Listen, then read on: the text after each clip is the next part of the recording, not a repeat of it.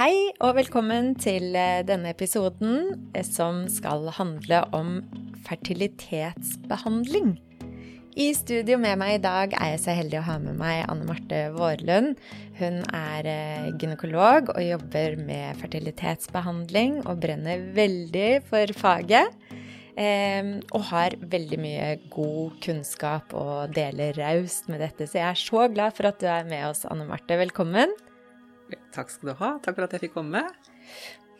Vi, jeg sa jo akkurat til deg jeg skal prøve å holde tunga rett i munnen. For dette med fertilitet, eh, fertilitetsbehandling, fertilitetsutfordringer, er jo noe som veldig mange opplever. Eh, faktisk en av syv par, snakket vi om tidligere, trenger hjelp. Eh, og det er veldig mange. Eh, men det snakkes fortsatt ikke så mye om, og det er vanskelig å snakke om det, og det er mange grunner til det. Eh, men i dag så har jeg lyst til å fokusere litt på fertilitetsbehandling, hva det egentlig er, hvem som kan få det, eh, og hvordan få det, og hvordan stå best mulig i det.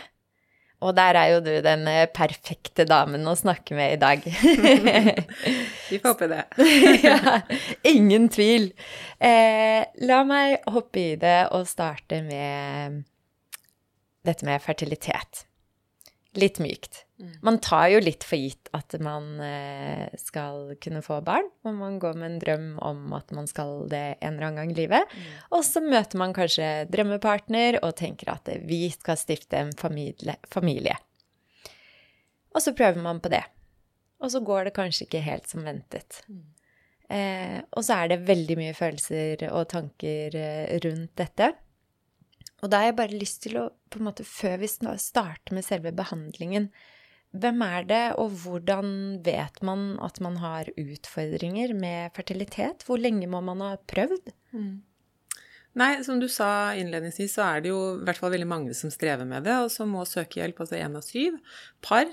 Ehm, så det er jo absolutt ikke uvanlig. Eh, definisjonen for infertilitet, eller det at man ikke har oppnådd graviditet, og det liksom utfyller diagnosekriteriene, det er at man har prøvd med jevnlig samliv eller samleie i et år uten at man har oppnådd graviditet. Eh, og for de fleste så er det noe som, som, som du sier er veldig sårt, og hvor man ikke har noen god forklaring. Noen har nok kanskje blitt forespeilet eh, tidligere i livet at det kan bli vanskelig å bli gravid. Det kan være at man har fått, fått diagnostisert endometriose, eller man har vært gjennom en type behandling som gjør at det kan være vanskelig. Men for de aller fleste så er dette helt nytt og uventet. Ja, ja. Og ganske sjokkartet. Forventningskrasj. Og, ja, og skikkelig følelsesmessig nedtur, hvor man føler seg mislykket. Og, og, vanskelig å prate om for mange. Selv om det er mange som sliter, sliter med det, så er det veldig sårt. Så, så, man definerer det ikke som et problem i gåseøyne før man har prøvd det i et år, men, men eh, vi ser kanskje at det er flere og flere som tar kontakt for å undersøke hvorvidt det er et problem eller noe man kan sette fingeren på før det har gått et år, fordi at man tenker at eh, jeg kan ikke fatte hvorfor ikke dette går. Mm. Man har ja, og, kanskje blitt litt utålmodig også, ikke sant? Ja. Og litt engstelig.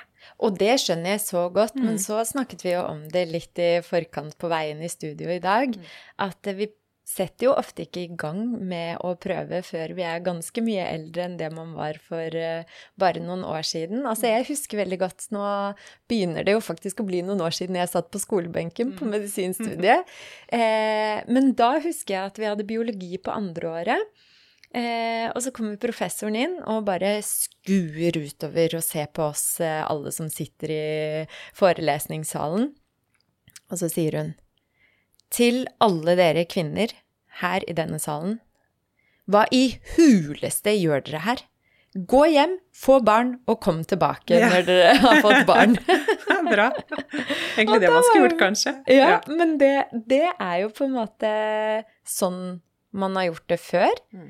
Eh, og så er det jo ting, heldigvis, da har samfunnet endret seg, og kvinner har eh, eh, tatt utdannelse og fått jobb, og det presser jo på en tidslinje. Mm. Eh, også vår biologiske klokke. Så sånn som du sa på veien i studiet i dag, så sier du hm, jeg opplever vel kanskje at noen ikke venter et helt år, og at det ofte gjelder de som er litt eldre. Mm. At de vet at det, eh, dette må jeg ta tak i hvis ikke det har gått på et halvt års tid, mm. eller noe sånt. Mm. Er det greit? Ja, det tenker jeg er helt greit, og det tror jeg kvinner blir mer og mer bevisste på akkurat den biten i forhold til at fertiliteten liksom kurven eller sjansene for graviditet den snur sånn ved 35-årsalderen. Mm. Og så er det ikke sånn at man skal være vettaskremt hvis man er blitt 35 og har prøvd noen måneder og ikke blitt gravid, men, men for mange så er det nok uh, verdifullt å kunne gjøre noen undersøkelser allerede ganske tidlig, i hvert fall før det har gått et helt år, da, mm. for å utelukke at det fins årsaker der som, som, gjør at man kanskje definitivt trenger hjelp, og at det ikke er noe vits i å prøve hjemme, for da jo, kaster man jo på en måte litt bort tiden. Og så er det jo ikke bare aldersfaktoren som spiller en rolle, selv om mange kjenner på den. Og for mange så er den kanskje den største utfordringen, for den får vi ikke gjort noe med. Mm. Alder er alder, og der har vi liksom ikke noe vi kan gjøre med at eh, eggene eldes med oss, på en mm. måte, som kvinner. Eh, men det kan jo være utfordringer i forbindelse med eggløsninger eller tette eggledere eller, eller, en sædfaktor hos mannen. Og da er det klart at det kan være informasjon som er verdifull å få også på et tidligere, tidligere mm. tidspunkt. Da. Men eh, nå sier ikke jeg at alle skal gå og sjekke seg bare med en gang de har prøvd i noen måneder. Men, men for de men som kanskje er litt mer voksne, så kan det kanskje være hensiktsmessig å, å i hvert fall undersøke litt hvis man ser at man har brukt mer enn et halvt år og, og ikke har kommet i mål, da. Ja, for hva undersøker man da? Eller kanskje først og fremst, hva kan mm. man følge med på selv? Mm. Jeg tenker at det viktigste, eh, liksom det enkleste å følge med på hos kvinnen, er jo om man har regelmessig syklus. Eh, og eh, for kvinner som har stått på p-piller kanskje i mange år, så er det ikke alltid at menstruasjonen kommer i gang av seg selv etterpå. Mm. Noen opplever at menstruasjonen blir helt borte, og noen har veldig lange sykluser og uregelmessige sykluser. Og da har man nok mest sannsynlig ikke eggløsninger heller. Da blir man ikke gravid. Og da er det veldig enkelt enkelt å hjelpe dem mm. ganske greit med tabletter eller kanskje noen små injeksjoner for å få i gang eggløsningen, sånn at den utfordringen blir borte. Men det er kanskje det, er det eneste som er veldig enkelt å følge med på. Mm. For ellers så blir det jo andre ting som på en måte må gjøres en risikovurdering på i forhold til om man har risiko for at man har tette eggleder i forbindelse med tidligere infeksjoner eller eh, blindtarmbetennelse eller sånne type ting. Og sædkvaliteten får man jo bare sjekket ved å levere en sædprøve. Ikke sant? Så når de kommer til dere da og ønsker å sjekke fertiliteten sin og muligheter, så undersøker man kvinnen med en ultralyd og tar en sånn blodprøve for å sjekke hvor mange egg hun har igjen. Og så er det en sædprøve av mannen. mannen. Um, så egentlig lite invasive og helt greie helt fin undersøkelse og enkel ja. undersøkelse å ta sånn sett. Ja. Men mange lurer på, i forkant av at de kommer til deg mm. og får de undersøkelsene, så kommer de ofte til meg. Mm. Eh, kanskje noen måneder eh, i forkant og lurer på hva kan vi gjøre for å øke sjansen? Mm. Er det noe man kan gjøre selv? La oss si at syklusen er helt grei, og at de har prøvd noen måneder og er godt opp i 30-årene og ønsker å optimalisere det før de går til deg. Hva, hva, hvilke råd kan man gi til de Nei, Der er det jo altså sånn i forhold til uh, helse, generell helse og sånn, så er det jo mer å være, være ta godt vare på seg selv, da. Spise variert, være litt i fysisk aktivitet, moderat alkoholinntak. Helst ikke røyk og snus. Hvis man, hvis man, røyker eller snuser, i hvert fall som kvinne, så er det noe man bør slutte med når man blir gravid uansett. Så at det er en god motivasjon for å, for å uh, kutte det ut. I hvert fall minimere det.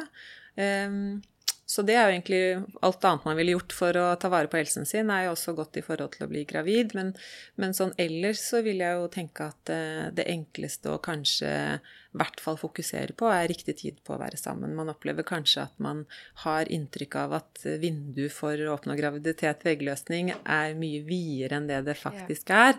Eh, og ofte så bommer man kanskje litt. Syklusen er jo ofte ikke helt like lange. Man kan ha 26 dagers syklus i en måned, og kanskje den er 28 eller 29-30 i neste. At den hopper litt. Mm. Det gjenspeiler også at eggløsningen kommer på litt forskjellig tidspunkt, selv om den kommer.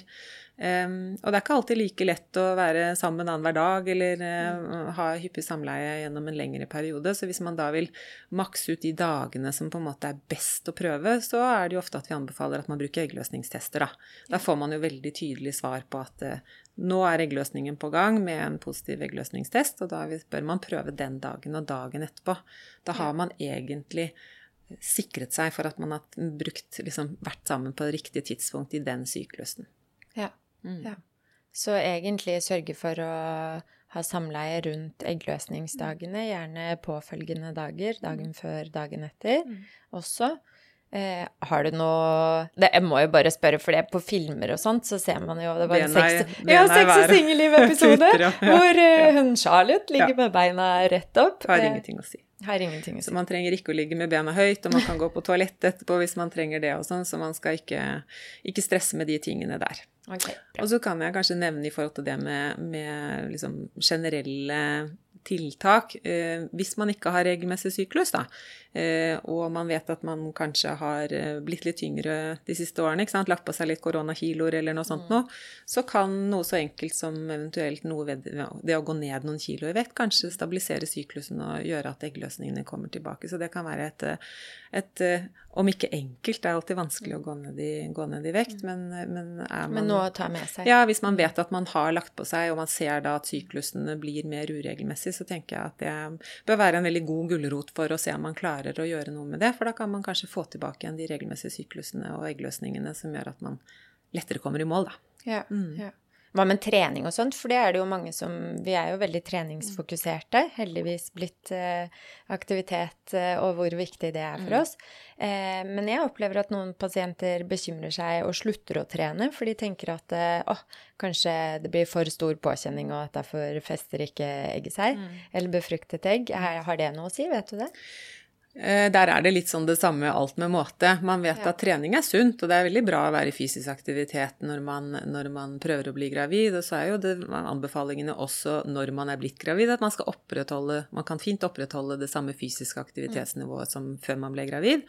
Eh, men det er klart at hvis man selv vet at man trener veldig mye og ganske ekstremt, altså både i forhold til hvis syklusen blir uregelmessig eller faller bort, så er det et veldig tegn på at kroppen er belastet ikke sant, i forhold til toppidrettsutøvere og sånt. Så, så, en periode hvor man strever med å bli gravid, og man kanskje selv vet at man mm. trener godt over gjennomsnittet mye og hardt, så kan det å ta det litt ned eh, være med på hvert fall å, minne, å øke sjansene, altså relativt i hvert fall. Mm. Men det er jo først og fremst hos de man ser at, eh, at har um, uregelmessigheter i syklusen sin, som jo er Som har veldig mye igjen å ta og få for det. Mm. Ja. ja. Og da har vi jo snakket litt om eh, eh, en form for fertilitetsbehandling, eller i hvert fall fertilitetsøkende tiltak. Mm. Eh, som man kan gjøre selv. Men du sitter jo dypt inn i materie og jobber med eh, helt konkret fertilitetsbehandling hos de som har utfordringer og ikke får det til selv. Eh, og min jobb som allmennlege skiller seg jo veldig fra din jobb der, fordi jeg eh, Når man tenker behandling, så tenker man at man skal få, eh, få en behandling, få en pille, få en sprøyte, og så blir man bra. Så løser alt seg. Mm. Og sånn er det jo ofte på kontoret mitt. Kommer noen inn med en halsbetennelse, så gir jeg en antibiotikakur, og så er de friske, og resultatet er topp, og alle er fornøyd. Men i fertilitetsbehandling så er jo visa en litt annen. Mm. Eh, for hvor stor sjanse er det for å lykkes med fertilitetsbehandling når man kommer til deg og har på en måte fertilitetsutfordringer og får hjelp til dette? Ja, det er jo eh, hva skal man si, vanskelig å svare på sånn med, med en prosentandel, for det er en veldig sammensatt gruppe gruppe. Det, mm. og det er mange faktorer som spiller en rolle i forhold til hva akkurat det paret eller den kvinnen har av sannsynlighet for graviditet. Men og da må vi jo kanskje bevege oss inn på hva er det som gir mm. fertilitetsutfordringer? Hva er det dere finner når dere undersøker pasientene? Hva er de vanligste årsakene til at man ikke får det til? Nei, det er ganske, Man sier sånn generelt sett at det er ganske tredelt. Altså at det er en tredjedel hvor vi finner en årsak hos mannen, at det er nedsatt sædkvalitet. Da er det som regel rett på assistert befruktning, altså prøverørsbehandling. Mm. Eh, og så har vi en tredjedel hvor man finner en årsak hos kvinnen, og da kan det gå på eggløsningsproblematikk, eller at man har tette eggledere. Det er liksom de hovedårsakene hos kvinnen. Mm. Eh, og så har man faktisk en hel tredjedel hvor man, eh, hvor man ikke finner noen helt sånn påviselig årsak. Det bare vil liksom ikke skje. Mm. Og det er kanskje den mest utfordrende gruppen yeah. å stå i, hvor man tilsynelatende så er liksom alt helt greit og på stell, men det bare Det skjer ikke noe. Um, og så er det jo sånn at man kan Det fins jo en litt sånn trappetrinnsmodell, i hvert fall for noen av disse gruppene, hvor man ser hva man skal gjøre først. Altså har man, det var vi litt inne på, men eggløsningsproblematikk, så kan man jo starte forsiktig med å sørge for at kvinnen får eggløsning, mm. og så at man er sammen på riktig tidspunkt. Men i de, hovedgruppen sånn ellers, både med nedsatt sædkvalitet, tette eggledere og også uforklarlig infertilitet, så vil man ende opp i et prøverørsforløp da, hvor man på en måte sørger for at egg og sædceller møtes utenfor kroppen.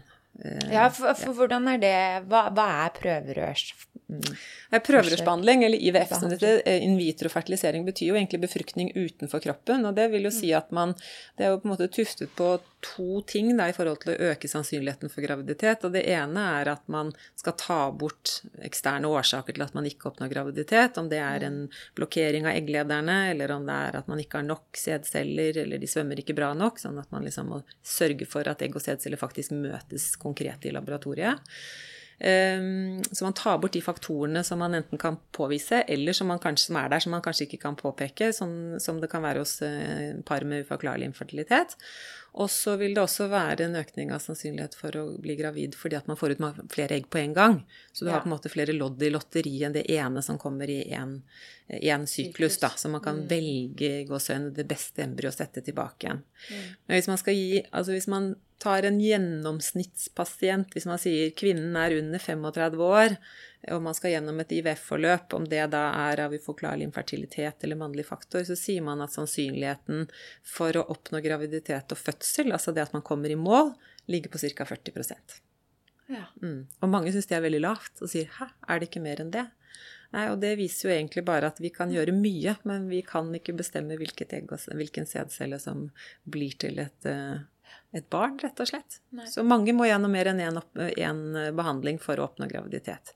Men de, altså, den aller største gruppen lykkes jo eh, ja. med behandling, men den største utfordringen for oss er jo aldersfaktoren. Da, jo eldre man er når man starter behandling, jo vanskeligere blir det ofte. Ja, for hvor lang tid tar et sånt løp? De som skal ha IVF-behandling, må vel i forkant ha hormonbehandling mm, mm. Eh, og ta ut egg. Et sånt løp, da, hvor fra til Fra, fra start til fra, mål? Ja.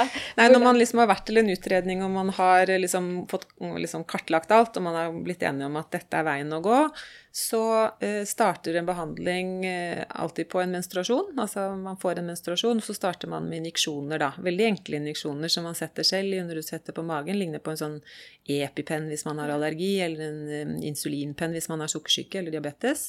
Ja. Og så står man på sprøyter da i et sted mellom 10 og 14 dager. Første mm en sprøyte står man på hele forløpet. altså Den første uken er bare én sprøyte, og så vil det som regel komme igjen sprøyte nummer to den siste uken. Sånn at man den siste uken bruker to forskjellige sprøyter.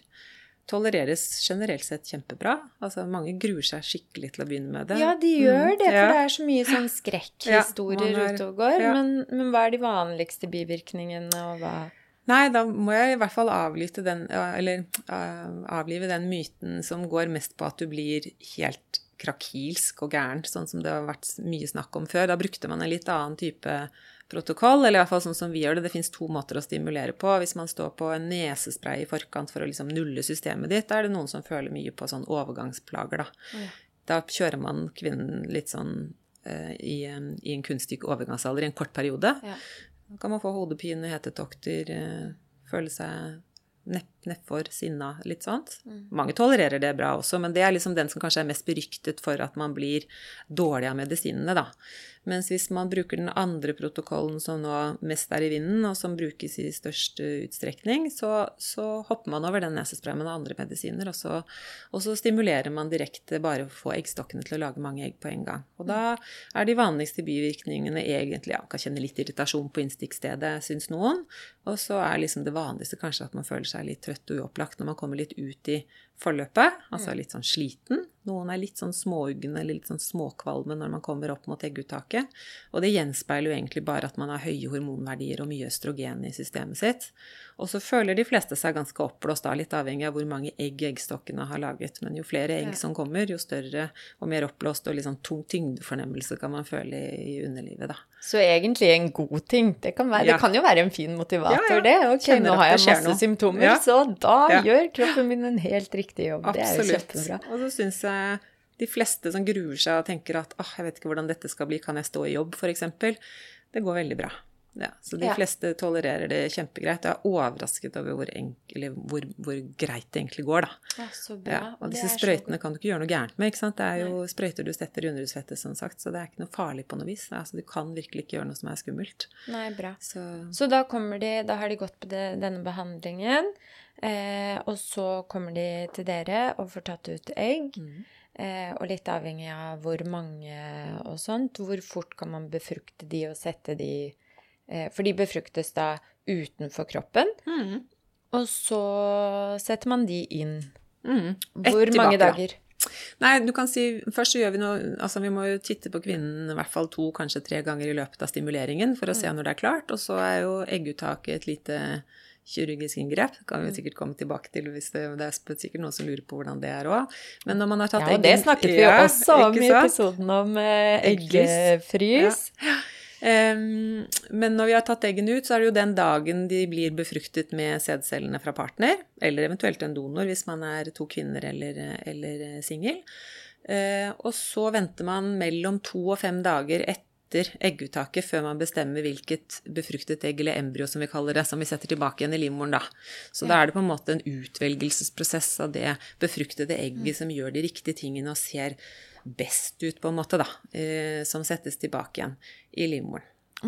Sa du noe om hvor mange egg som befruktes? Alle eggene blir forsøkt befruktet. Det er jo ikke sånn at vi kan bestemme om de blir befruktet eller ikke, men vi putter egg og sædceller sammen enten bare hvis man har en normal sædprøve, så putter man egg og sædceller sammen i små skåler, og så får sædcelle og egg velge hverandre helt uavhengig av hva vi bestemmer. Og magien får skje der. Der vi gjør ja. det vi trenger, men ikke mer enn det. Mens hvis man har en nedsatt sædkvalitet, så vil man gjøre det som kalles for mikroinjeksjon, eller ICSI. Da må man, ja. eller da vil embryologene sitte og velge ut de sædcellene. Hvis det er veldig, veldig få sædceller eller få som svømmer, så velger de de sædcellene som ser best ut, og så blir hver sædcelle da puttet inn i hvert av eggene. Så alle eggene blir liksom, får en mulighet til å bli befruktet. Og så ser vi gjerne at ikke alle eggene blir befruktet eh, likevel.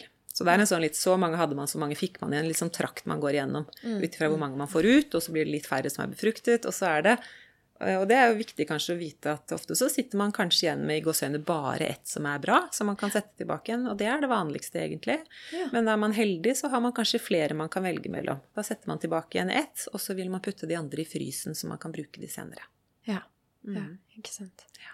Og da, når det er satt inn, hvor raskt får kvinnen vite? Da går jo kvinnen, og mannen for så vidt, veldig spente mm. rundt, kan jeg mm. tenke meg. Mm.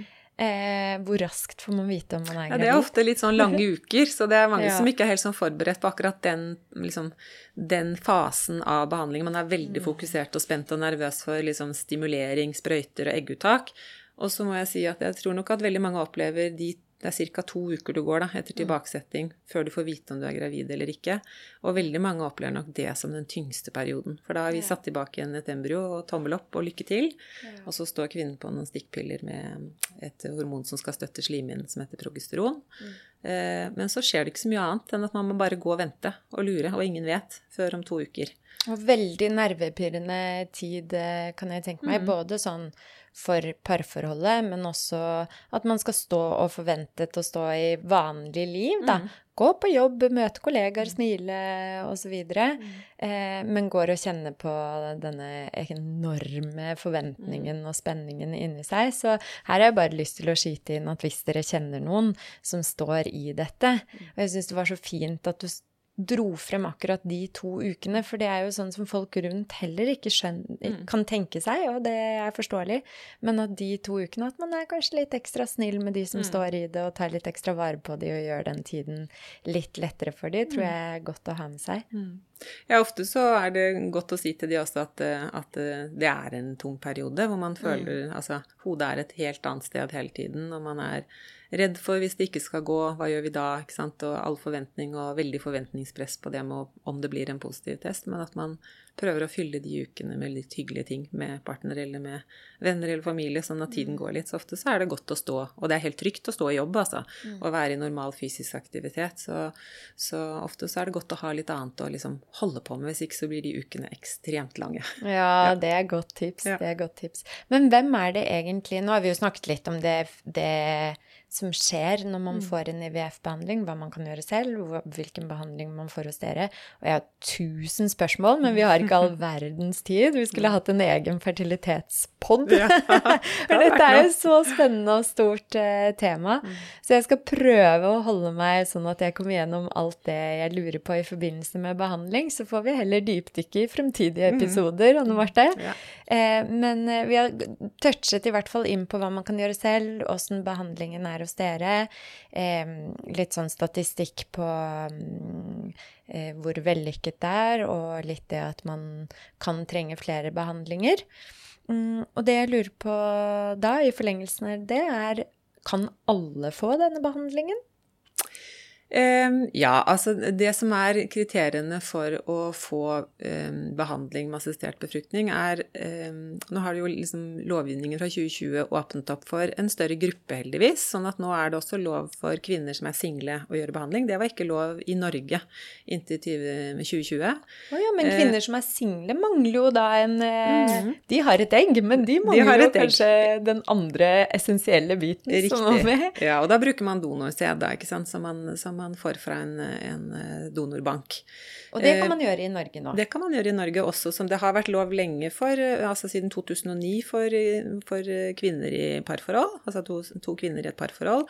Men det er nytt fra 2020 at også single kvinner kan få den behandlingen. Så nå er det egentlig assistert befruktning er åpent for, for både single, samkjønnede og, og, og, heterofile par. Så i et parforhold så er jo liksom kriteriene at man skal være i et stabilt ekteskapslignende parforhold, dvs. Si at man skal være i et stabilt forhold. Eh, men bortsett fra det, så er jo det de medisinske liksom, faktorene som, som, spiller inn på om det er både forsvarlig og riktig å starte assistert befruktning. Man må jo både kunne eh, få ut egg, og man må vite at det er en reell mulighet til å kunne oppnå graviditet. Og så er det en øvre aldersgrense for kvinnen på 46 år, da, så man må gjøre behandling før man fyller 46 år eh, for at det skal være lov i Norge. Ja.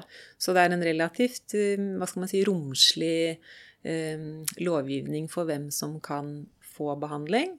Eh, men eh, det vil være individuell vurdering i forhold til det medisinske grunnlaget for om det, om det, er lurt eller riktig å gjøre det, da. Ja, mm. ja, ja. Og dette med single kvinner, jeg ble litt interessert mm. i, i, det, og donorsæd og eh, hente det? Hvordan, hvordan kan, man bestemme, kan man bestemme eventuelt hvilken og hva og hvordan man skal få det, eller hvordan funker det egentlig i praksis? Nei, det er, litt, det er, relativt sånn fastlagt gjennom bioteknologilovgivningen hvem som, hvem som, skal og hvem som kan være donor. Sånn at eh, kommer man som eh, samkjønnet par, eller man kommer som mm. singel til oss, så vil man jo gjøre den samme utredningen som man eh, gjør ellers. Og så vil, så vil eh, valg av donor falle på legen som, eh, som sitter der. Mm. som da har, er pålagt å velge donor. Og det eh, kvinnen selv kan komme med innspill på, er liksom karakteristika i form av eh, øyenfarve, hårfarve, eventuelt høyde, vekt, etnisitet. Sånne mm. ting. Sånn, helt sånne spesifikke karakteristika. Og så vil det være vi som da bestiller, bestiller donor fra, fra, en donorbank, da. Ja. Og da fins det store donorbanker i Danmark som, som brukes først og fremst, da. Um, og så er det jo en del sånn kriterier sånn ellers i Norge, eller lovgivning for, for, donor, og det er jo at donor ikke skal være kjent for Det er jo derfor legen skal velge. Donor skal ikke være kjent for kvinnen. Eh, det har å gjøre med at barnet selv skal få muligheten til å velge hvorvidt de vil vite hvem donor er eller ikke. At ikke det er en kunnskap som kan bli påtvunget dem uten at de Mm, selv har tatt stilling til det. Ehm, Men man må bruke en åpen donor, dvs. Si at man bruker en donor hvor det er registrert personale. Altså donor har samtykke til at eh, når barnet er 15 år, så skal det ha muligheten til å gå inn og se hvem som har vært donor, og kan også oppsøke donor. Men donor har ikke noen juridiske bindinger til donorbarnet. Og mor er pliktet til å informere om at, barnet om at det er brukt donor. Det er det ikke Ja. sånn at det er noe straffelettslig forfølgelse, men man mener at det er veldig viktig for barnet å kunne Ja. ta stilling til selv, da. Hvorvidt, eh, hvorvidt man vil vite hvem donor er eller ikke. Ja.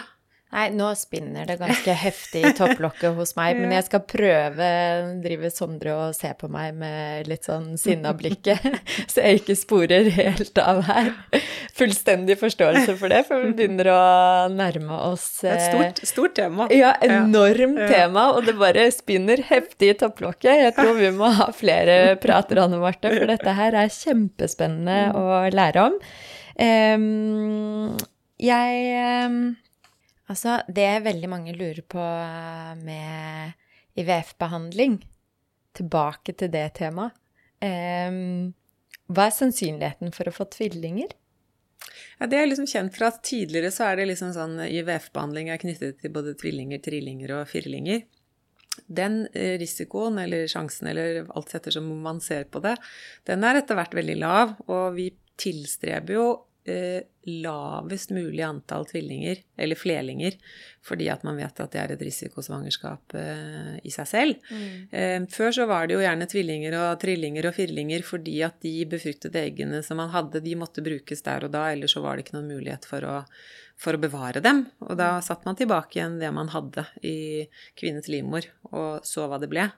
Mens nå har man så utrolig bra frysemetoder, sånn at nå vil man i utgangspunktet kun sette tilbake igjen Dette Det er liksom gullstandarden. Ja. Sette tilbake igjen ett, og bevare de andre da ved å putte de i frysen, altså i flytende nitrogen, sånn at de kan brukes senere. Um, og da er jo tvillingraten veldig lav, så den Ja. uh, skal i utgangspunktet, så lenge man setter tilbake en, ett embryo, så er det kun ved eneggede tvillinger, som jo er helt sånn helt av og til at skjer, som er, utgjør da tvillingrisikoen. Men så er det jo fortsatt eh, tilfeller av at man setter tilbake igjen eh, to embryoer, og det er litt forskjellig praksis på forskjellige klinikker og sånn, så det er jo det som da utgjør den største tvillingandelen i IVF-behandling. Men den er jo ekstremt mye lavere enn den var før, Ja. og den bør bli lavere enn den er i dag også. Ja, Ja. Sånn på, nasjonalt, eh, på nasjonal basis. Mm. Da er det sånn at man da kan vurdere å sette inn to hvis det er noen som har hatt flere mislykkede, at man tenker at det øker sjansen? Ja, altså det er jo det som er praksisen. At eh, jo flere forsøk man har gjort, og eh, jo eldre kvinnen kanskje er, så kan man vurdere å sette tilbake en to, også hvis man da ser at embryoene ikke er av såkalt frysekvalitet. De må være av veldig god kvalitet for å tåle den frysebehandlingen. Så da kan man vurdere å sette tilbake en to, da.